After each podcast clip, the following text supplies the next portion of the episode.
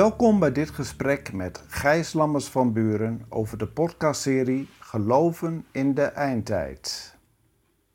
Mijn naam is Alfred Muller. Ik ben correspondent in Jeruzalem en in de komende 10 minuten hoor je over de achtergrond van deze serie over de eindtijd en iets over de actualiteit van dit onderwerp in Israël.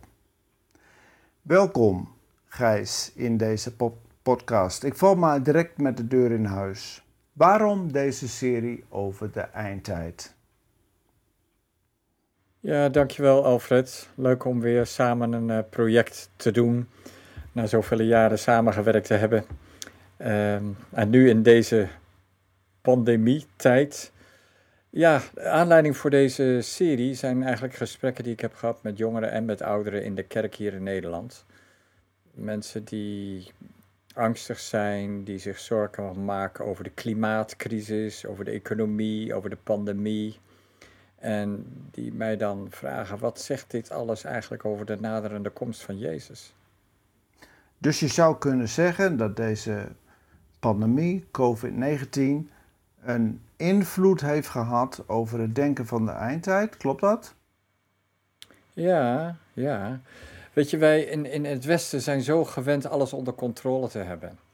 En we kunnen altijd gedetailleerde plannen maken en die, die, die plannen die kon je bijna altijd ook realiseren. En nu ineens, door die pandemie, werden we stilgezet, we werden wakker geschud en ook de christenen werden wakker geschud. er zijn niet veel christenen in Nederland die bezig zijn met de eindtijd normaal gesproken en met de komst van Jezus. Maar die zijn veel meer gefocust op, oké, wat kan je nu doen als christen in de, met evangelisatie en met, uh, met de handen uit de mouwen, met gerechtigheid. Ze zijn heel erg met het nu bezig. En de crisis, die heeft echt wel wat losgemaakt nu. Uh, ja. Nou, nog afgezien daarvan, um, is, is het belangrijk voor christenen om met de eindtijd bezig te zijn? Ja, ik denk dat het heel belangrijk is. Alleen is wel de vraag hoe je ermee bezig bent. Ik uh, leg dat ook uit in de eerste aflevering al eh, van mijn serie. Dan het, hoe wat het vooral niet moet zijn, is dat je als toeschouwer het gebeuren of op het wereldtoneel analyseert en daar allerlei conclusies uit trekt met de Bijbel, de Bijbel naast zijn klant leggen en dan denk je, ah, ah zitten we daar. Dus uh, zo moet je niet met de eindtijd bezig zijn. het, het, moet veel meer deel zijn van je, van je dagelijks leven. Eigenlijk ook zoals Paulus ook spreekt met uh, de christenen in het Nieuwe Testament. Ik ben trouwens ook wel, eigenlijk ook wel benieuwd, Alfred, hoe dat is in Israël. Uh, zijn de christenen daar meer met eindtijd en, uh, bezig? Meer dan elders in de wereld? Wat is jouw inschatting? Ja, je zou het eigenlijk wel denken. Want veel mensen denken dat. Christenen die geïnteresseerd zijn in de eindtijd, die gaan juist naar Israël toe. Um, want daar gaat het allemaal gebeuren. Maar het is zo, tenminste wat ik hier zie, wat ik heb gezien in al deze jaren, dat de christenen, en dan met name de evangelische christenen, zijn niet meer met de eindtijd bezig hier dan elders op de wereld. Nou heb ik het over de christenen die hier wonen. Dus niet op de mensen die op bezoek komen als toeristen en hier tien dagen zijn of zo.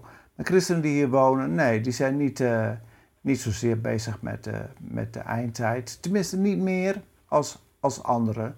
Ze zijn er wel mee bezig, maar ze leggen er niet bijzonder veel nadruk op. Ze zijn veel meer bezig met van hoe kunnen wij hier helpen in dit land? Hoe kunnen wij de mensen steunen? Hoe kunnen wij humanitair werk doen en dergelijke? En de christenzionisten, die een speciale betekenis zien in Israël, die, ja, die zijn ook uh, meer bezig met de gedachte van het verbond. Eh, God heeft een verbond gesloten met Abraham en met zijn nageslacht. En daarom, daarom steunen wij Israël. Het is niet omdat ze denken van, nou ja, dat gaat wel gebeuren binnenkort met de eindtijd, dan moeten we achter Israël staan. Eh, ze verwachten niet een uh, heel grote apocalyptische gebeurtenis op korte termijn. Daar zijn ze helemaal niet, niet mee bezig eigenlijk. Ze zijn veel meer praktisch bezig. En ja, in dit geval geloven ze echt in, het, in, het, in de band die bestaat tussen Israël en de christelijke wereld. Ja, oké, maar hoe, hoe zit het nou met het uh, Loofhuttenfeest? Want dat is toch bij uitstek een feest dat in de Bijbel verbonden wordt met de komst van de Messias. Ehm, en dat is ja, toch ook heel groot. Wat kan je daarover zeggen, over die vieringen in Jeruzalem?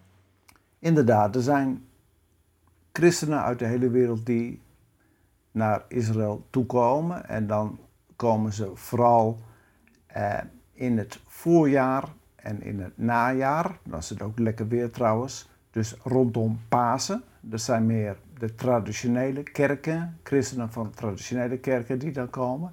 En de christenen van evangelische kerken die komen veelal in het najaar rondom het uh, Loofhuttenfeest. En dat is omdat ze denken dat ja, in het eind van de dagen dan zullen de christenen naar Jeruzalem optrekken om daar de Heer te dienen en de Heer te aanbidden. En dat gebeurt dus ook elk jaar behalve dit jaar. Dit jaar gaat het allemaal anders. De, de conferenties zijn nu online. En er zijn ja, verschillende organisaties die daarmee bezig zijn. En uh, sommige Joden zien dat ook als een uh, bijzonder teken. Vinden ze mooi ook dat ze komen. En er, zijn zelfs, er is zelfs een Joodse organisatie die ook in de afgelopen jaren bijeenkomsten heeft georganiseerd voor christenen. Om christenen te ontmoeten en ook om hun te onderwijzen over het Jodendom. Dus uh, ja, zo is dat hier gegaan met het uh, Loofhuttenfeest. Um, en ja, ik heb ook nog een vraag voor jou. Als, als God nou de regie heeft over de gebeurtenissen in de eindtijd, want dat geloven we, dat God zijn plan vervult. Welke verantwoordelijkheid hebben we zelf dan eigenlijk nog? Ja, dat is een, uh, dat is een mooie vraag.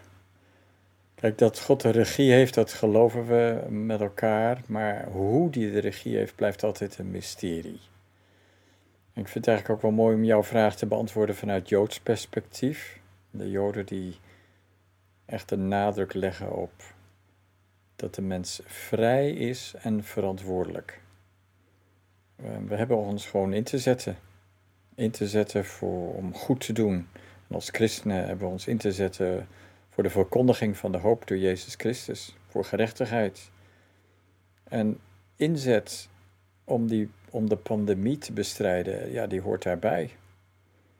Ja, God heeft de eindregie, maar dat geeft veel meer effect op onze hoop dan dat we daaruit kunnen zeggen: Oh, dan hoef ik dit niet te doen. Nee, in tegendeel, we moeten echt de hand uit de mouwen blijven steken. Ja. Uh, Ten slotte, uh, ik hoorde een, een, passende en bijzondere indringende muziek in de podcast, in deze serie. Uh, hoe kom je daar eigenlijk aan? Ja, dankjewel. Het is eh, mijn zoon Ben. Hij is professioneel muzikus.